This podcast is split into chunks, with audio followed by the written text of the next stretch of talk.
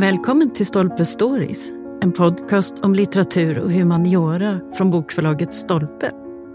Vår värd för programmet heter Svante Tirén.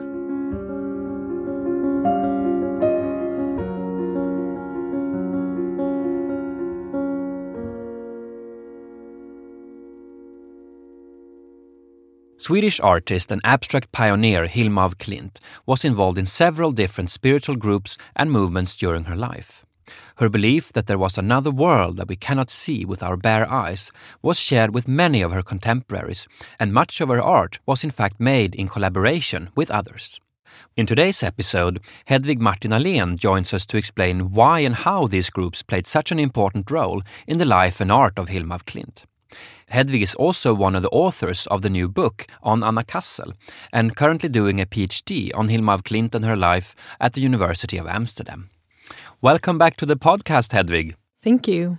Now, the turn of the century here, around the year 1900, is a time vibrating with all these societies and groups and movements interested in the spiritual and belief systems outside the church, outside the conventional faith. But how common was it for women to form these groups? It seems there's a lot of women doing this. Yeah, uh, this was very common for mainly upper class women who were interested in the occult to form different groups or societies where they could meet and discuss this other realm and also try to contact it. So, mainly uh, women from a certain class are participating in this. Is this a radical gesture? Is this something that is very provocative or is it widely accepted? I think both, actually. I mean, it depends on who you ask. I think the church would say that it's quite provocative, but at the same time, it was very common at this time. So it's something that is appearing in society in general, both in Sweden and in Europe and in America. So it's sort of a double role here that mm. in some sense it is actually widespread and accepted, but of mm. course there are people also looking this as a, as a threat yes. uh, to, to conventional faith. Are most of these sort of secret societies inward thinking, sort of, or are they public? What's the deal here? I would say also both here. I mean, it depends on the society, but of course, there is always some sort of core in these societies, perhaps some sense of doing something secret or higher, but at the same time, they invite people to join them freely. They're not secret in that sense. And were many of these participants, were they people from, let's say, the creative field, meaning they had interest in, in art or, or painting or some kind of craft, or was it a more diverse set of women doing this? I would say that they were probably more diverse. What they had in common was the idea of something higher beyond reality that, you know, we couldn't really sense, but we could perhaps come in contact with if we tried following certain methods or techniques. And it seems that Hilma Klint joined these movements at a very young age. Is that also typical? Is it something you discover early on in life, typically? Well, Klint actually did not join them in such an early age because she was around 30 years old, which is opposite to the common myth that she was around 17. But she described when she's around 30 years old that she, for the first time, experienced spiritualism when her friend shows her what is called a psychograph, which is a device for contacting spirits, which is sort of similar to an Ouija board where you have this device that slides over a a, um, a board of, of letters and point on letters and create messages from the spirit world. So this is the time when she was introduced to spiritualism, and from that time on, she started to be involved in different groups, etc. And I think this is also the normal setting, so to say, that people reached adulthood before they were involved in this. Right, so it's not really for for teenagers and such. It's a no. bit more of a mature occupation. Absolutely. If you were a young woman in Stockholm in the 1890s, let's say, how did you find these group societies? Was it something you could enroll for somewhere, or how did you go about? There seems to have been some information in newspaper, for example, about spiritualists coming to visit Stockholm and perhaps were performing in front of an audience. But then I guess there was also a question of contacts, as it often is. You hear about a group, you have a friend of a friend who is uh, active in a group, etc. Mm. Now, Hilma Klint was involved in several different groups and movements during her life. She wasn't devoted to only one.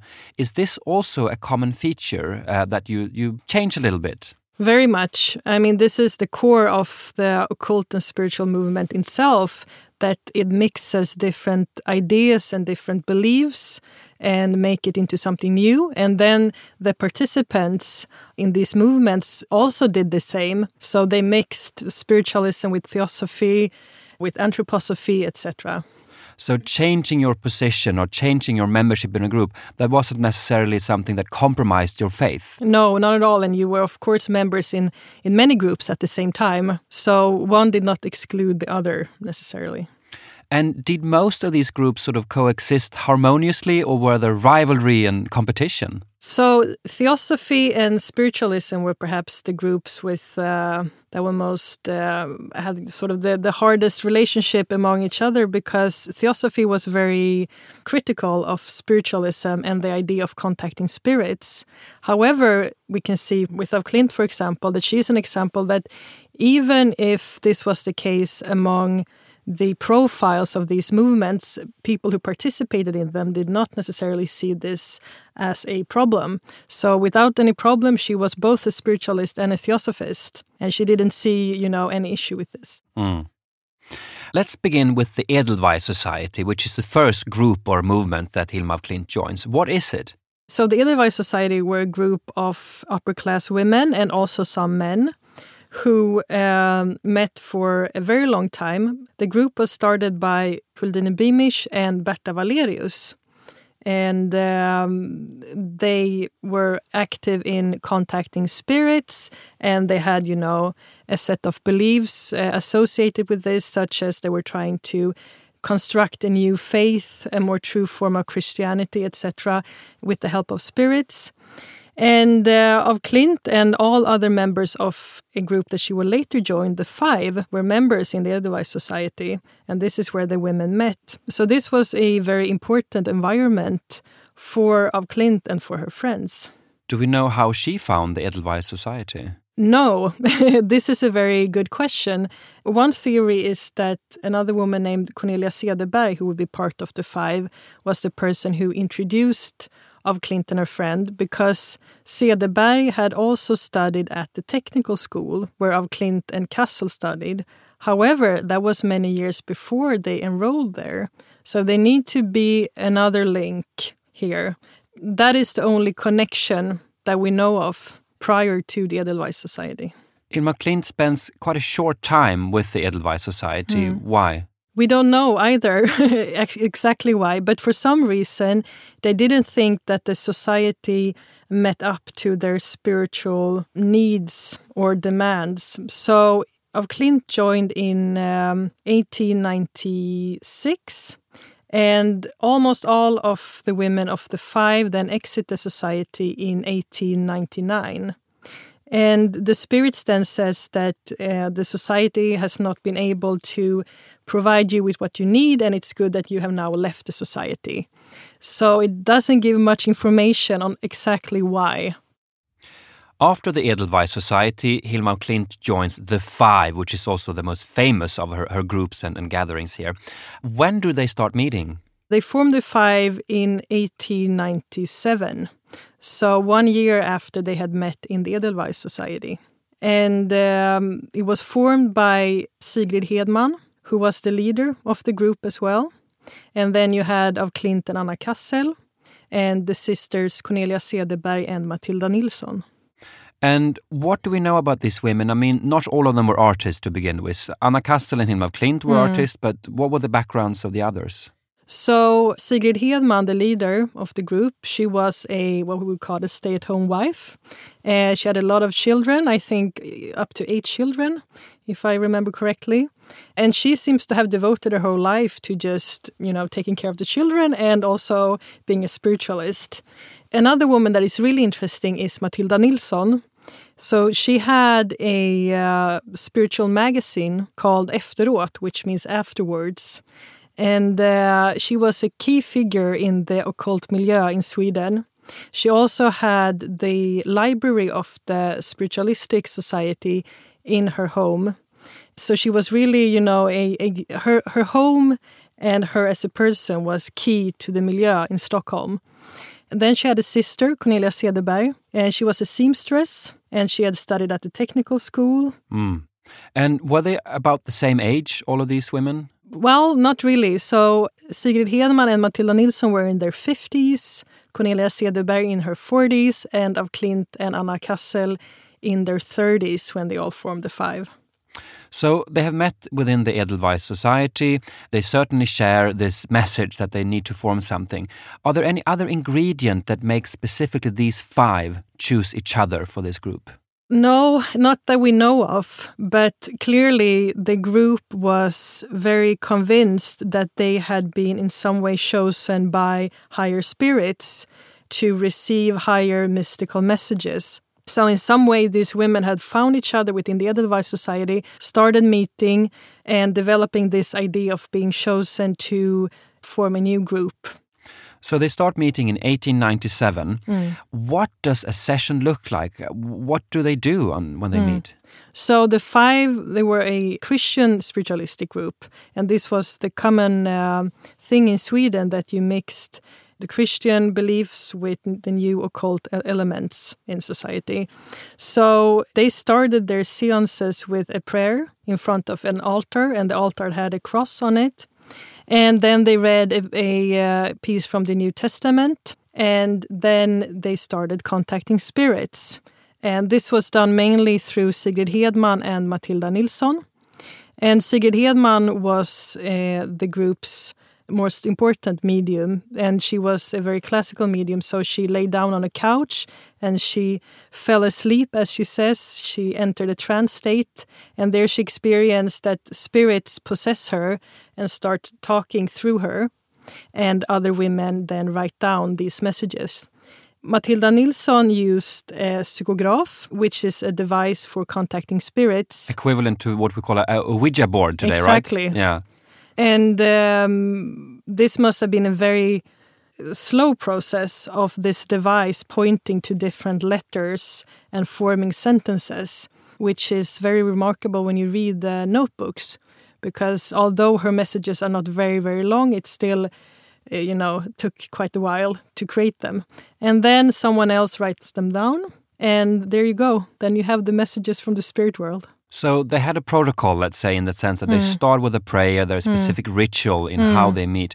Do they go on for hours and hours, or are these more short sessions? It's impossible to know, but considering Matilda Nilsson's work with the psychograph, at least it must have been, you know, a few hours devoted to this because not only would Sigrid Hedman talk, which of course is quicker, but someone needed to write things down, and then Matilda Nilsson proceeded with the device, and then the group also often created uh, one or several automatic drawings. Right, and please explain an automatic drawing, what that is. So, this is the practice when you experience that a spirit is controlling your hand while drawing and communicate through uh, images, basically. And these were produced by Cornelia Cederberg, not by af Klint to begin with, but by Cornelia Cederberg. And um, their function was basically to explain or to illustrate the messages that had been received through Hedman and Matilda Nilsson.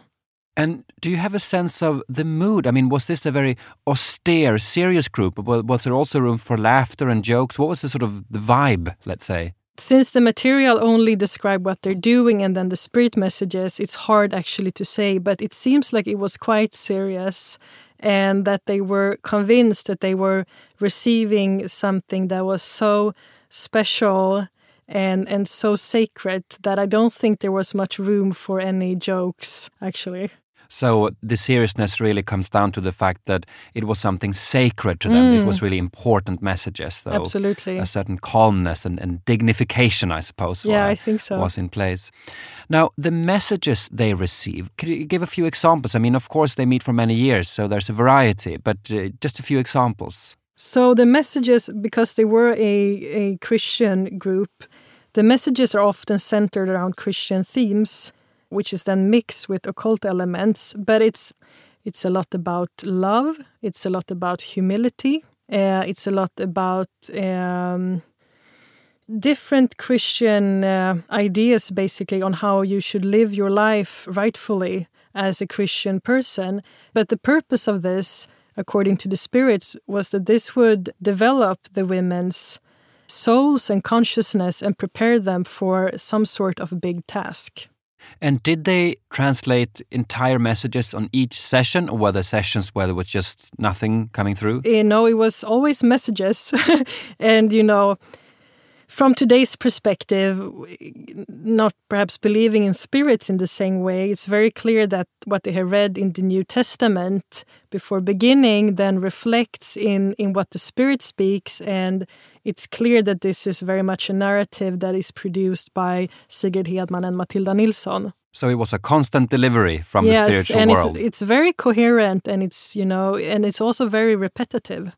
Is it clear to them from the beginning who they are communicating with, if it's one or several spirits? That is clear, but the thing is that um, the five believed that they were in contact with a high spiritual brotherhood, but not directly. They were in communication through intermediary beings, so other spirits. So they are in contact with the spirit called Gregor, one called Georg, one called Amaliel, one called Ananda, and they're all communicating these messages from this higher spiritual brotherhood. So these intermediary beings are present from the beginning. However, they reveal little by little who this brotherhood is. So in this sense, they get slowly, you know, to to understand their purpose of being in contact with these spirits. So there are more layers to this. Not only is there spirits that they communicate to, there mm. are other deeper spirits. Exactly. And these are the spirits that oversee the whole universe and, and its evolution. And they have chosen the five specifically to receive their higher mystical messages. So was there an agreement in this group then that they were unique, they were chosen, there were no other people on this planet almost Absolutely. in the same position? Yeah, and that's also why they, I think, could meet for so many years, for a decade, because they felt that they had this huge task to do. What was the main purpose? What did they actually want to achieve apart from staying in touch with uh, the spiritual world?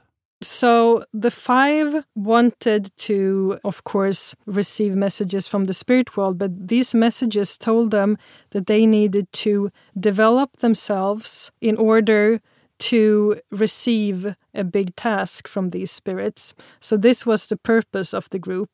Was it, let's say, a mission? Was that how they saw it? Was were, they going to save the world, so to speak? Yeah, this is the sort of the the interesting part what this was was so vague. It was never really specified. And it was more sort of an encouragement for the women to keep on meeting each other for these seances, that something was soon going to be revealed. They just need to keep on receiving these messages and to follow the instructions and encouragement to, to work on themselves. And soon they would be presented with something big. And this was, you know, ongoing they were never presented with anything. It was just a promise of something soon uh, happening. Was it important to them the fact that they were exclusively women in this group? Not explicitly, but uh, I absolutely think so, at least subconsciously, that they could uh, feel safe being in charge of this divine communication that they perhaps would have felt a bit less secure if a man was also involved, who perhaps also have, would have wanted to be in charge of this. And this is also something that is very characteristic of the occult movements of the time that women are suddenly giving uh, the opportunity to be leaders. So, what is interesting in the five that they also give each other the communion, which is something, according to the church, only a, a male priest could do. So, within this group, they can really break free from these uh, structures of society. But was there a symbolic value in the sense, I mean, the church was exclusively male and so on, the fact that these are women now going on this message? Mm. Was hmm. there a point to that, do you think, in that sense? Again, I think this is important to see in perspective of occultism and the freedom that was given to women within these movements. So I think occultism provided them a arena to actually be able to develop themselves fully and to imagine themselves being on this big mission. And this would not have been possible if there weren't for these specific ideas.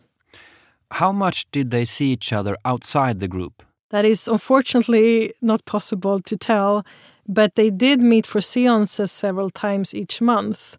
And one can imagine that they were also having discussions about the messages they had received from spirits. So, what was going on with the group? There was probably a lot going on that's not recorded in these protocols from the seances. So, I can imagine they had a very frequent communication with each other. How does it develop over the years? I mean, do they keep the same ritual all through, or does it change over time? They keep the ritual more or less. I mean, sometimes they read from occult books.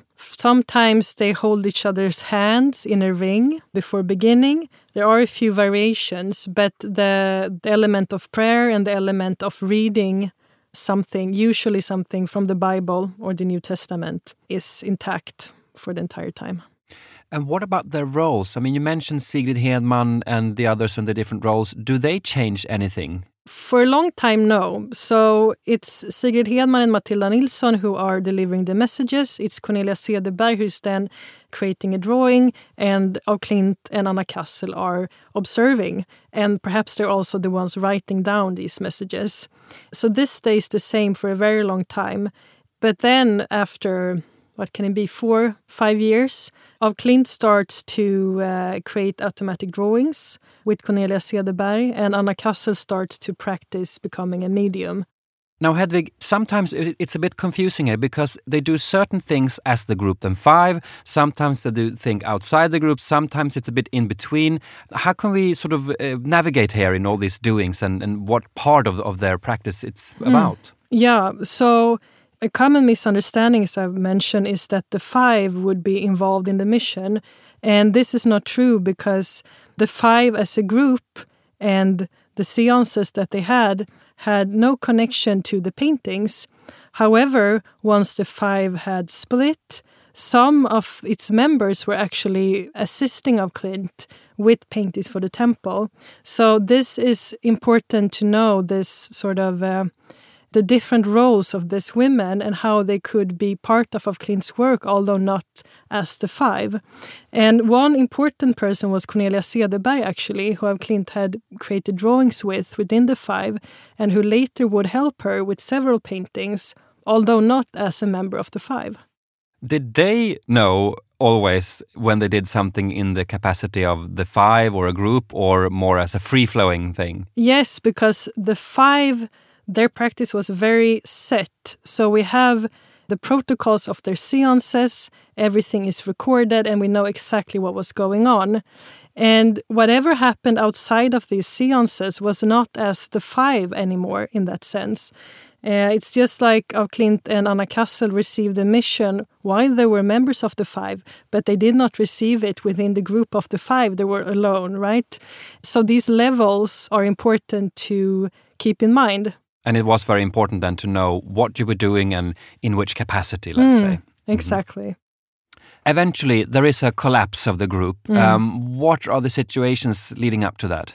So, at that point, af Klint and Anna Kassel had received the mission to create paintings. And it seems that af Klint's confidence had grown after that point. And for some reason, she now wants to be the medium of the group as well and to deliver messages from the spirits. And she's allowed to. So, what happens is that the spirits soon reveal to the group through Hilma af Klint that Hilma af Klint actually is their true leader and that all the other women should follow her. And this becomes the last message that the group receives because this well, it seems that it wasn't received very well and that the other women actually got quite upset with it. So then they actually stopped meeting. Who received that message? Oh, Klint communicates it to the entire group that she actually is the new leader. But of course, she phrases it as if it's the spirits who reveal to them that this is the case. Is it a total breakup or do they stay in touch? They do stay in touch uh, in some way, and af Klint managed to gather the group one last time in Christmas 1907 when she wants to explain her paintings. And uh, the other group is not very keen to hear this, and there is some sort of misunderstandings about this. And then it seems that they split for good. So they never talked again, basically. Well, they did. Af Klint did have uh, some sort of communication with both Cornelia Cederberg and Sigrid Hedman because they did assist her with some paintings later on. However, for example, with Matilda Nilsson, it seems to have been a complete cut off. So I think the group reacted differently. I think af Klint maybe could explain her point of view more or less successfully to some people, but they never got together as the five again. It's amazing to think this dedication they all had, mm. the fact that they met regularly and for so many years and then a total breakdown. Mm. But perhaps this is also not uncommon. I mean, when you believe in something so mm. much, of course the separation must be very painful. Yeah, and it also shows how. Um, how this deeply affected each member because for af Klint, this idea of being chosen by higher spirits was fundamental for her to develop the idea of a mission. While for the other women, it meant something else. So they all had this idea of what they were doing that soon started to uh, become different from each other's and they started to separate. As we talk about in another episode, Anna Kassel and Hilma Klint, they continue their journey, to say the least. I mean, they mm. have a very important role working together. But after the breakdown, what other groups or movements do Hilma Klint engage in? Uh, well, af Klint becomes a theosophist. So she joins the Theosophical Society in 1904. She would later become an anthroposophist. Well, that's basically it. So instead of having these smaller groups, she mm. actually joins larger associations, mm. larger groups. And then she also, of course, collect other friends around her, so to say. She gathered new women around her, creating perhaps what would uh, become a new version of the Five, but where she was the leader. And the fact that you leave smaller groups behind you, is that something also that happens in time? I mean, is it more common closer to the year 1900 than it is perhaps in the 20s or 30s? Mm. Is, that, is that a general tendency? Well, I think that how, how people went about socially was very different from how it is today because there was no other way to stay in touch than to meet each other and to write letters, perhaps. But I think we have to keep in mind that this was a very different time. Uh, where people perhaps lived in the present moment a lot more than we do today. Mm. Now, there's an entire flora and fauna of myths about Hilma af Klint and also the Five. Can you mention just a few of them and why do you think they have been so popular? Mm. So, regarding the Five, the common myth would be that af Klint was the leader of the Five, that the other women assisted her with the paintings, that the Five were involved in the mission to paint, that she received this within the group, and perhaps that it was even directed to all the members of the Five and I think this is it's it's been important because it has explained something because there's been lack of research regarding exactly what was happening at this point. And I think the 5 has provided a very natural explanation. Uh, she met this group and of course they must have been you know involved. And also because af Klint has been this sort of lonely genius it has been natural to assume that the other women assisted her and that she was the leader of the five and also because there's been a myth that af Klint was introduced to spiritualism as a teenager, it would also be natural to assume that she was very advanced, while in reality she was quite new to spiritualism and was certainly not the active one in the five. So, as so often, assumptions has been turned into facts. Yeah. But now the wheel has turned again. What kind of documentation has the group left behind, the five? They left behind over 2,000 pages of notebooks, which uh, sort of portrays their seances, their protocols, one can say, over their seances, which describe very well exactly what was going on. However, only during the seance, so we don't know what the women talked about before or after. They're only there to record what was going on and the messages they received from the spirits. How are they to read and go through these notes? I imagine they are quite difficult to interpret. It is quite hard because the messages they received from the spirits are extremely long winded. A lot of words, but they say very little. A lot of repetitions. So there's a lot of text to go through, but there's very little information to actually extract. However, it's interesting to see that the group was very, very careful with these notes. So they have all been transcribed by Matilda Nilsson. So there were once original notes taken during the seance, and then she transcribed this into the notebook. So it's all, all very neat and well written, and they really spent a lot of time producing this material. So documentation was important in general for this work. Extremely important, and this is also something you can see with other groups like the Edelweiss Society, who also left huge material after after themselves and, and from their seances. And it seems to be simply from the idea that the spirits were revealing something important, and it was important to record it and to keep these records. Who kept the documentation once the group dissolved? Hilma af Klint did for the five, and she seems to have had an interest in collecting notebooks because she has notebooks from the five, from her friend Anna Cassel, from Gusten, her friend Gusten Andersson, from Sigrid Hedman, and so on and so forth. So she was very fond of notebooks. also kept a lot of notes herself. She kept a lot of documentation, yeah. thankfully. Yeah. Was it evident that it was Hilma Klint that was supposed to save all the documentation when they break up? That is not clear at all. Uh, and I don't know really how that went about because one could assume that, for example, Matilda Nilsson, who who transcribed all, all the notes, would be the one who kept them, especially since the split wasn't, you know, as harmonious as one would have liked. But for some reason, af Klint was the one who eventually took care of the material. Mm. Now, was there a rule within the five that they kept everything strictly to themselves, or did they sometimes invite other people in or share anything with the outside world? For um, less than a year, they did have seances together with other spiritualists. For example, Oscar Busch, who was an important figure in Stockholm at that point, under the name of the Friday Group. So the Friday Group is not the five, which is sometimes uh, misunderstood, but it's just this um, constellation of the five and a few other people. And they met for less than a year. So there were a little bit of openings. Why yeah. did they stop? I don't know. It's unclear. And they didn't even meet on Fridays. they met on Thursdays often. so it's very uh, yeah. The the Friday group is a bit of a mystery. So, despite documentation, there are still many unresolved questions. Absolutely. How is it to spend time with this material? I mean, obviously, this is a very specific belief system. Mm. Um, and sometimes maybe it's very foreign to things we mm. believe today and so on. But as an historian, mm. when you sit with all these hmm. documents and, and automatic drawings, hmm. all these relics really hmm. from deep beliefs, deep held uh, truths, is it hard to make the distinction between fiction and reality and belief and actual events here? Mm. What is the case with this material is that it only describe the beliefs. And this is important to remember that it's not diaries in that sense that it describes something that happens in the material world.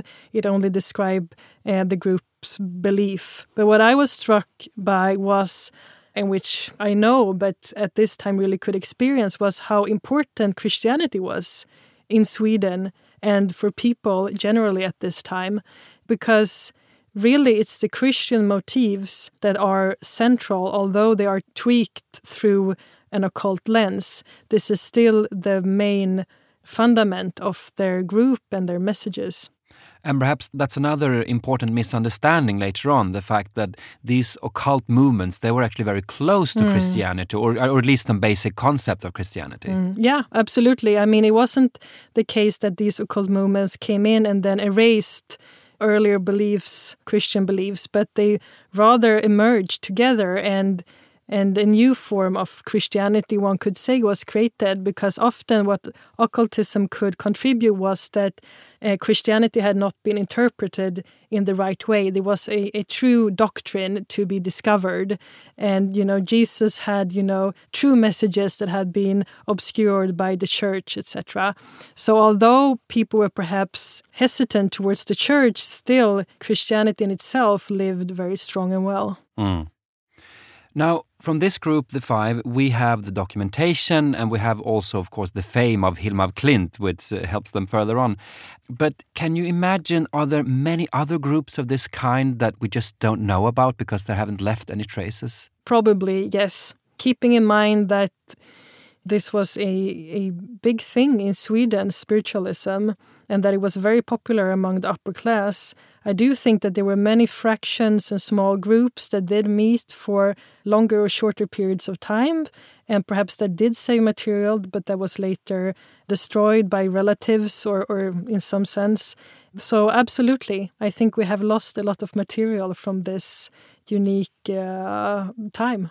So, although this is, of course, a fascinating case, it's important to remember that they actually reflect a much greater context of this uh, spiritual movements and occult interests. Absolutely. It's very typical, one can say, for what was going on at the time.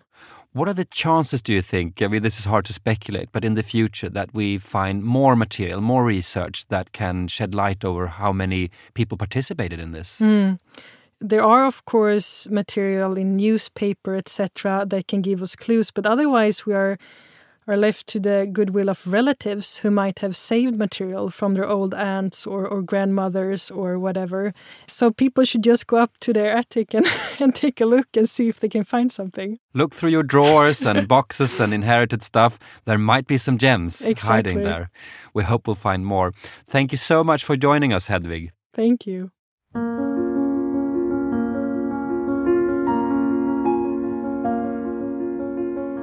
Tack för att du har lyssnat på Stolpe Stories. Missa inte att du som lyssnar har 20% rabatt på bokförlaget Stolpes titlar hos Bokus.com. Aktivera rabatten genom att ange koden STOLPE20. Och för att lyssna på fler avsnitt, följ oss där poddar finns och på sociala medier.